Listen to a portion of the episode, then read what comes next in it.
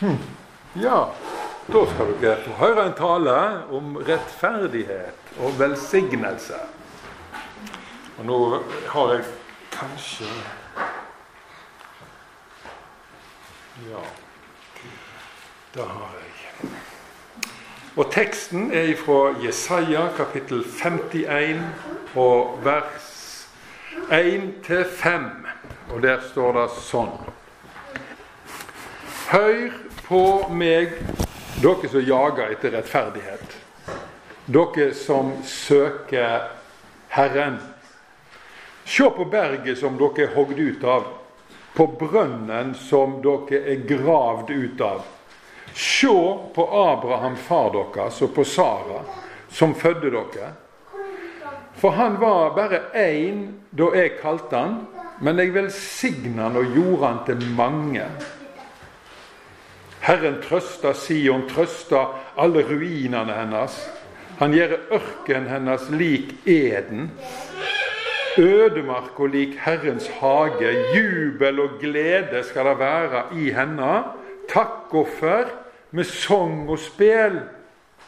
Lytt til meg, mitt folk, mitt folkeslag. Vend øyra til meg, for lov går ut fra meg. Brått gjør jeg mitt min rett til lys for folka. Mi rettferd er nær. Mi frelse bryt fram. Mine armer dømmer folka. Fjerne kyster voner på meg, de venter på min arm. Ja, en fantastisk tekst med et godt innhold. Alle folk, de jakter på et eller annet. Noen jakter på penger for å bli rike. Noen jakter på makt. Noen jakter på popularitet. Noen jakter på ære. Noen på å bli berømte. Mens andre bare går rundt og jakter på opplevelser. Men det som er særprega for alle disse her eh, jakttypene, det er at det handler om meg. Det handler om meg, altså. At jeg skal få det bra. At jeg skal nå mine mål. For ingen er så viktig i denne verden som meg. Det må jo alle forstå. Men det er det ikke alle som forstår at det er du som er den viktigste i verden. For alle tror kanskje heller at det er de sjøl som er det viktigste i hele verden. Men hvis vi lever sånn på en veldig sånn egoistisk bølge, så blir vi veldig ensomme. Men så er det noen her i verden står det, som jager etter rettferdighet. Og rettferdighet, da er et uttrykk som har mange fasetter. Men i dag så tenkte jeg på Arne Viste, han i Stavanger. Han jakta ikke på penger, makt og popularitet og ære og berømthet og opplevelser. Nei, han kjempa for at flyktninger som ikke har oppholdstillatelse i Norge, skal få rett til å jobbe og få rett til helsehjelp. For det har de ikke. Og slik er det i mange andre land òg. Men Arne, han gav de jobb og lønn, sjøl om utlendingsloven sier at da hadde de ikke lov til. For han mente at utlendingsloven den er i strid med Grunnloven. Og fordi han gav de jobb likevel, så blir han nå straffa av den norske stat. Han jager etter rettferdighet for de papirløse. Og så betaler han en pris for det nå. De dårligste folka i verden de jager bare etter ting som angår de sjøl. De beste folka de jager etter rettferdighet for andre enn seg sjøl. Vi må ikke bare kjempe for oss sjøl. I går så, så jeg på Dagsrevyen. Dagsrevyen handler alltid om strøm og strømpriser. For to år siden var det korona i en halvtime hver dag. Og nå er det strømpriser i en halvtime hver dag. Og så var de oppe i var det Lommedalen, mon tru. Og der gikk skillet mellom to prissoner midt mellom to nabohus. Og i det ene nabohuset kunne de dusje, og i det andre nabohuset kunne de ikke dusje. For i det første huset der koster strømmen 30 øre kilowattimen, og i det andre huset så koster den sikkert 5-6 kroner kilowattimen. Og så intervjuer de de som dusjer for 30 øre, og de som ikke dusjer for 6 kroner. Og så sier de det er urettferdig. Dette er urettferdig. Ja, hva mener han med det? Hva er nå egentlig rettferdighet? At det er likt for alle? Ja, jeg er enig med de som syns det virker veldig urettferdig oppe i denne dalen at eh, to naboer skal ha så totalt forskjellig strømpris. Det høres ikke rettferdig ut. Men vi har et rart rettferdighetsbegrep, og det er at eh, jeg må ha det like bra som de andre. Jeg må ha like mye som de andre. Hvis ikke jeg får like mye som de andre, så er det urettferdig. Det, dette, dette, er barnslig rettferdighetsbegrep. For ungene som tenker sånn. Han får mer enn meg, og det er urettferdig. For vi skal ha like mye. Men hvis jeg får mer enn han, da er det ikke fullt så urettferdig som hvis han får mer enn meg. Og så videre. Det er et barnslig rettferdighetsbegrep. Eh, det funker jo ikke sånn i praksis. Fordi at eh, om du får litt mindre snop enn en annen, så er du ikke urettferdig behandla av den grunn. For rettferdighet handler om hva du har rett på. Hva har du rett på etter loven? Og hvis du får to sjokolader istedenfor tre, så står det ingenting i loven om at du har rett på tre sjokolader. Det gjør jo ikke det. Om du får to sjokolader, én sjokolade eller null sjokolader, så er du likevel rettferdig behandla etter loven. Så, men, men, ungene må få lov å ha sin rettferdighetssans og sin måte å tenke på. Men vi voksne trenger ikke adoptere ungene sin måte å tenke rettferdighet på. Det trenger vi ikke gjøre. Det er ikke nødvendig. Å jage etter rettferdighet er ikke bare å kjempe for seg sjøl, men kanskje aller mest å kjempe for andre. Og faktisk betale en pris for at de skal ha det bra. Rettferdighet ja da, den er oppfylt når du har det som du trenger for livet ditt. Da er rettferdigheten oppfylt for deg. Og da skal du være fornøyd. Da sier apostel Paulus har du mat og klær, så skal du være fornøyd. Det er en veldig rar ting, dette å være fornøyd. Fordi at hele samfunnet er bygd opp på at vi skal, ikke skal være fornøyde. Og vi må alltid ha noe mer. Og da Reklamen minner oss på da, at du har det egentlig ikke så veldig bra. Du, du, trenger, du, du trenger, denne vinkelsliperen her òg, i tillegg til de to du har fra før. For denne er jo så mye bedre, osv. Det er sånn som oss mannfolk. Eller for, for, for damene er det kanskje litt mer du trenger absolutt denne kjolen her, selv om du har fine kjoler fra før, så den, denne her har du nå iallfall ikke, osv. Og, og så, så jager vi etter sånne ting som det der. Eh, men har du det som du har bruk for, mat og klær og varme og sånn, så skal vi være fornøyde, sier Paulus. Og Husker dere David som sa at bare jeg har, har Gud, jeg, så er jeg kjempefornøyd. Da mangler jeg egentlig ingenting. Og da sa kompisen hans Asaf òg da, har jeg det jeg trenger. Dette er jo den store tingen med kristendommen. da, da er at eh, Om du faktisk talt mangler en del grunnleggende ting, så kan du likevel kjenne deg veldig happy fordi du har Gud. Mat til de sultne, drikke til de tøste, klær til de nakne, fellesskap til de sjuke og ensomme og de forfulgte. Da er rettferdighet i Guds ord. Fordi at rettferdighet, eller rettferd på nynorsk, er kobla sammen to ord. Rett og ferd. Rett er det som er rett. Ferd er det måten du lever på. Rett måte å leve på. Hva sier Jesus? 'Jeg var sulten, og dere ga meg mat.' 'Jeg var tøst, og du ga meg drikke.' 'Jeg var sjuk, og du så til meg. Jeg var ensom og i fengsel, og du besøkte meg. Da var det som Jesus definerte som rett ferd, rett levemåte, det er å ta seg av andre mennesker. Og når vi gjør det, så blir vi mye lykkeligere. For da står det at du er, du er salig, står det. Det betyr at du kjenner på en intens lykke. Men rettferd, eller rettferdighet, i Bibelen betyr også tilgivelse og frelse.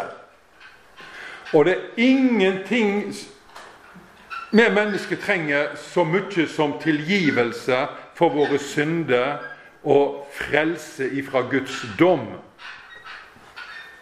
Tilgivelse og frelse, da er Guds rettferdighet. Guds rettferdighet den er helt annerledes enn vår menneskelige rettferdighet. Hvis du tenker deg at eh, noen har gjort noe fryktelig galt, og så er de blitt tatt av politiet. Og så må de møte en dommer. De må i retten. Nå skal rettferdigheten skje. Og så står den som har gjort noe galt, framfor dommeren, og han innrømmer feilene sine. Ja, det var jeg som stjal sånn og sånn, og det var jeg som gjorde det galne. Ja, sier dommeren, da blir det To år i fengsel for deg. Det er rettferdig. Du må betale litt tilbake. Når du har påført andre en smerte, så er det på en måte samfunnet sin jobb å påføre deg en smerte, så det blir to år i fengsel. Og det er rettferdig. Ja, sier du, det er helt rettferdig. Det er menneskenes rettferdighet. Men så kommer Guds rettferdighet, og den er helt annerledes. For når du kommer fram for Gud med syndene dine og med forbrytelsene dine, med løgnene dine og med de ureine tankene dine, og innrømmer skylda di, hva sier Gud da? Sier han to år i fengsel? Eller en evighet i fortapelsen? Nei, han sier den straffa, den har jeg tatt på meg sjøl den har sønnen min tatt. Og du blir frikjent for Kristi skyld, sier du nå kommer og innrømmer syndene dine. Da er Guds rettferdighet. Da får du det motsatte av det du har fortjent. Sånn er Gud. Menneskene gir deg det du har fortjent, men Gud gir deg det motsatte. Han sier 'kom, du skal bli innsatt som sønn, som datter, som barn i mitt hus for Kristi skyld. Og du kan stole på at uh, dette er et løfte som vil holde helt inn i evigheten. Guds rettferdighet, tilgivelsen og frelsen, det er en gave som Gud gir deg. Du fikk den da du ble døpt. Da fikk du Guds rettferdighet som en gave. Og holder du fast ved Jesus og tror på Han, så har du denne gaven som din hele livet, også den dagen du skal stå framfor Kristi domstol. Så er du kledd i Hans rettferdighet. Jeremia kaller Gud for Herren vår rettferdighet. Herren vår tilgivelse. Herren vår frelse. Derfor er det sånn at den som ikke har Gud, må legge vekk alt som hindrer en i å bli en kristen, og overgi seg helt og fullt til Gud straks. Og da skjer det at da får Gud da han har rett på. For Gud har òg rett på noe. Og hva er det Gud har rett på, da? Han har rett på meg og deg. For det er jo Han som har skapt oss. Og det er Han som har kjøpt oss. Og det eneste som kan hindre Gud i å eie oss, det er oss sjøl. Men når vi overgir oss til Gud, så får Gud som Han har rett på. Og du får tilgivelse og frelse og evig liv og barnekår og fellesskap tilbake. For en nydelig byttehandel. Hør på meg, sier Gud. Hør på meg! Dere som jager etter rettferdighet. Hør på meg! Det er ikke det at vi ikke hører hva Gud sier, men hører vi på Han? I gamle dager så sa vi gjerne til ungene du må høre på mor di. Du må høre på far din. Når de sier noe til deg, så må du høre på dem. Og det betyr du må gjøre det de sier. Det er det det betyr. Og når Gud sier 'hør på meg', så betyr det 'gjør det jeg sier'. Hvem er det du hører på? Hva slags stemme er det du lytter til? Lytter du til Gud eller til djevelen? Og det er så mange som lytter til djevelens stemme i dag. Særlig når de er oppe i litt vanskelige situasjoner. Da er det lett å måtte lytte til han. Fordi nå må du jammen gjøre sånn, og så må du gjøre sånn, og så må du gjøre sånn, og så må du være lur, og så sånn og sånn og sånn. Og så roter vi oss vekk ifra sannheten og ifra den evige Guds fellesskap. Å høre på Herren, det er å lese i Bibelen, det er å gå på gudstjeneste, høre tale. Og det er å forholde seg til det en hører på. Praktisere. Vi må ikke bare være sånne som hører ordet, og så glemmer vi hva vi har hørt. Nei, vi må praktisere ordet. Hør på meg, sier Herren. Det er Guds ord som skaper tru i hjertene våre. Og det er dette ordet som holder trua levende, og dette ordet er mat for vår sjel. Vi må ete hver dag. Vi må lese i Guds ord hver dag. Vi må lytte til Gud. De fleste menneskene jobber for å forbedre sitt eget liv på en eller annen måte. Hvorfor er vi så ivrige på å forbedre våre egne liv på en eller annen måte? Jo, fordi vi ikke stoler på Gud. For Jesus sier 'søk først Guds rike og Hans rettferdighet'. Der kom det igjen, altså dette ordet rettferdighet. Så skal dere få alt det som dere trenger i tillegg til det, fra Gud. Hvis vi lærer oss å ta vare på Guds interesse i verden, så vil Gud ta vare på våre interesser i verden. Det er en kunst som ytterst få kristne kjenner til. Men Gud har noe rart i ermet som heter velsignelse. I vår så sådde jeg 36 erter ute i hagen min. 36 erter. Nå har jeg høsta mange tusen erter. 36 erter ble til mange tusen erter. Hva er det for noe? Det er Guds velsignelse i skaperverket. Og jeg har også høsta masse tomater. Det er Guds velsignelse. Og hvis vi sår ei potet, så får vi kanskje ti poteter. Det er Guds velsignelse. Velsignelse da er at det, er det som er lite, blir stort, og det som er få, blir mange. Gud velsigner skaperverket. Abraham han ble velsigna av Gud, og Gud sa at slekta di skal bli så Du skal få så mange etterkommere som det er sand på havets bunn.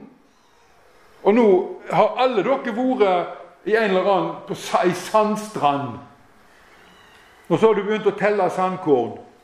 Nei, det er jo ingen som går på stranda for å telle sandkorn. Har dere sett noen som holder på med det? Nei. Og det er altfor mange. Vi klarer ikke å telle dem. Så stor skal slekta di bli, sa Gud til Abraham. Kikk opp mot himmelen, se på stjernene. Og de er så mange at du kan ikke telle dem engang, men så stor skal slekta de bli.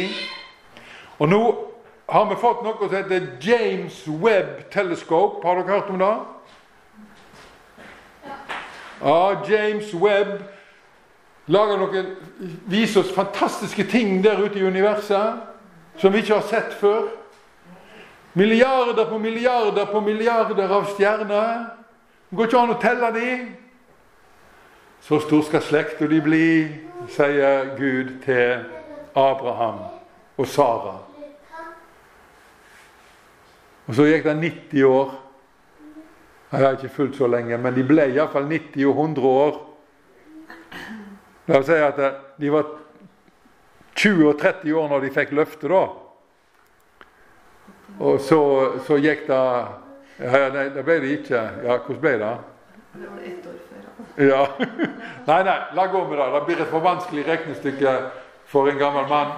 Men, men, men i alle fall de var barnløse, og så hadde Gud sagt at 'jeg skal velsigne dere', dere skal få så mange unger at det kryr rundt dere. Så var de barnløse. Og så trodde ikke Sara lenger på det. For hun kunne jo ikke få unger lenger. Og Abraham var nok ganske slapp i hamsen, han òg. Var ikke sikkert at det var så dugende greier.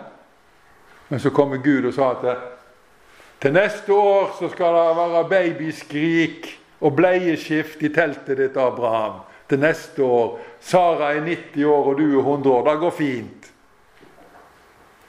Du gjør din jobb, Abraham, så skal jeg gjøre min jobb.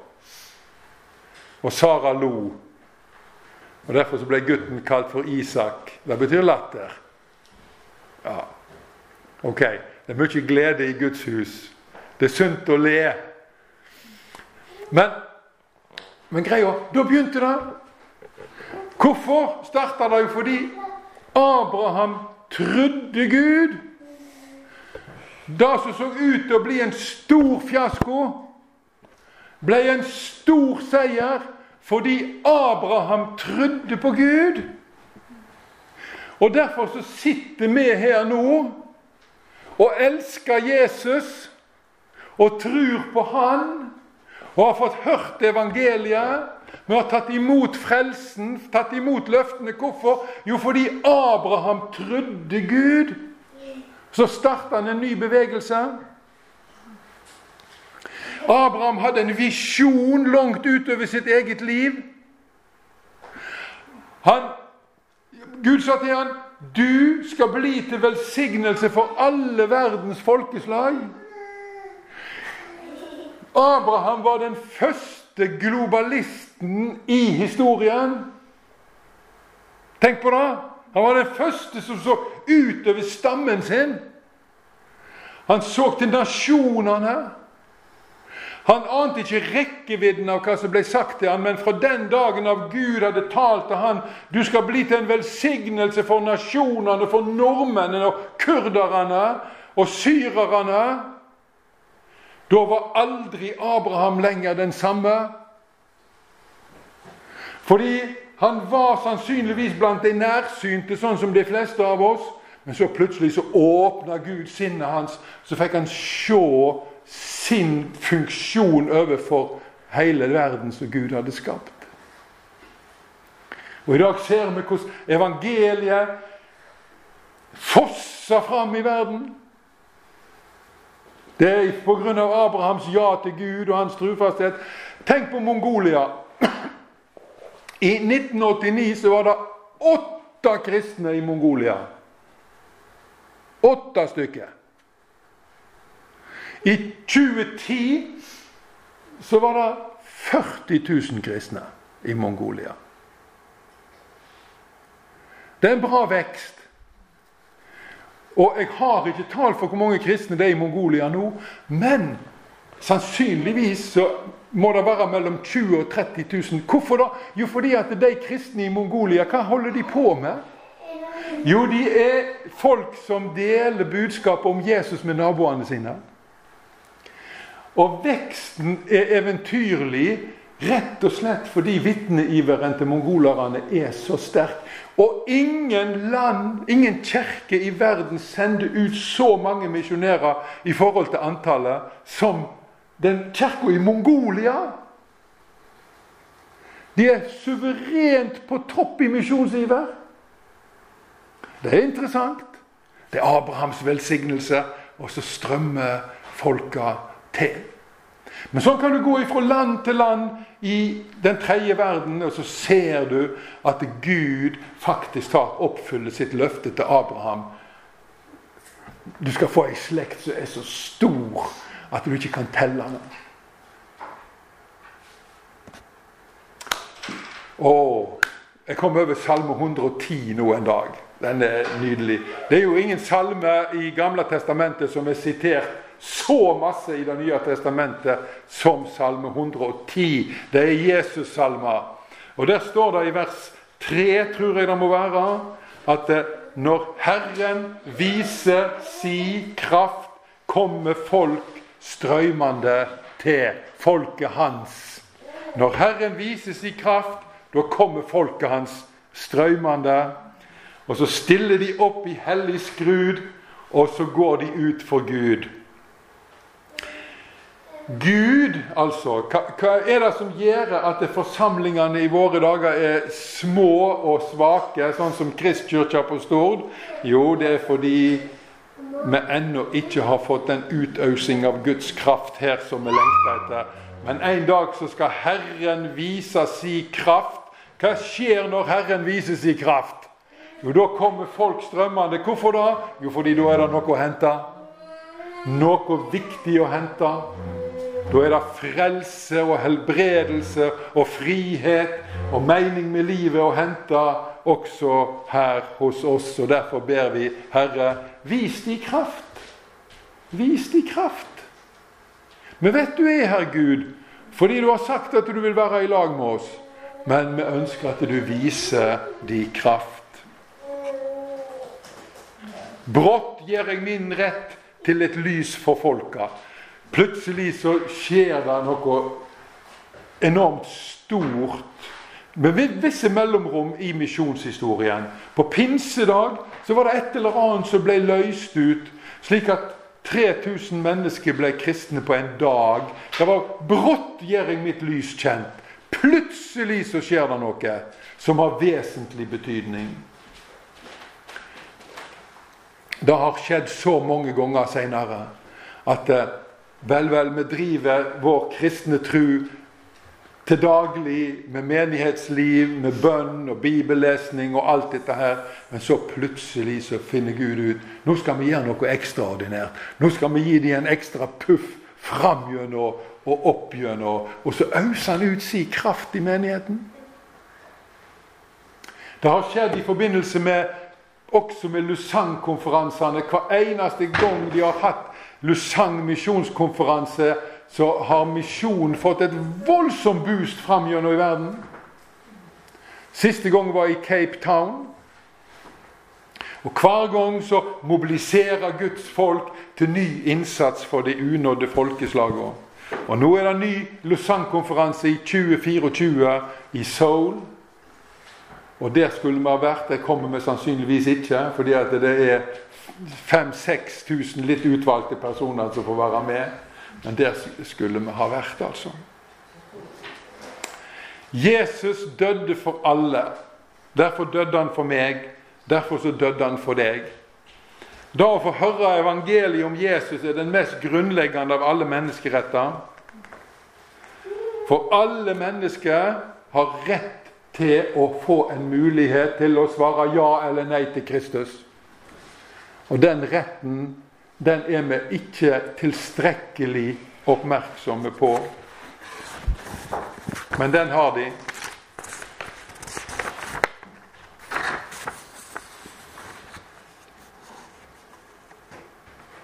Når Herren viser sin kraft i våre liv, så begynner hjertene våre å banke i takt med Jesus sitt. Og hans hjerte banker for de unådde, de han har dødd for, som ennå ikke har hørt. Og når Jesus berører oss, så vil vi kjenne oss drevne ut i misjon og evangelisering. Har du kjent på Herrens vind? Kjenner du at Han tar tak i deg og driver deg til de fortapte? Ser du det meningsløse i at eh, mennesket som Kristus har dødd for, skal gå evig fortapt? Jesus betalte vår skyld på korset. Tror du på Han, så er du totalt skyldfri innenfor Gud. Som sagt, det er en gave. Men du skylder dine medmennesker evangeliet. Jeg står i gjeld, sier Paulus, til grekere og jøder og barbarer. Det var de tre hovedkategoriene med folk han kjente til. Grekere og jøder og barbarer. Vi står, vi står ikke i skyld til Gud. Den er betalt, men til våre medmennesker. Så får vi betale ned så mye som mulig på denne skylda før Herren kommer for å hente oss hjem. Det skjer snart. Herren kommer. Vi kan ikke ordne opp i alle verdens problemer. Men Jesus kan. Han kommer. Så Derfor så la livet vårt nå framgjennom handle om tre viktige ting. Bønn, evangelisering og gode gjerninger. Og Da tror jeg Gud vil si det der er rett ferd. Rett kristen levemåte. Ære være Faderen og Sønnen og Den hellige ande, som var og er og være skal, en sann Gud fra Eva og til Eva. Amen.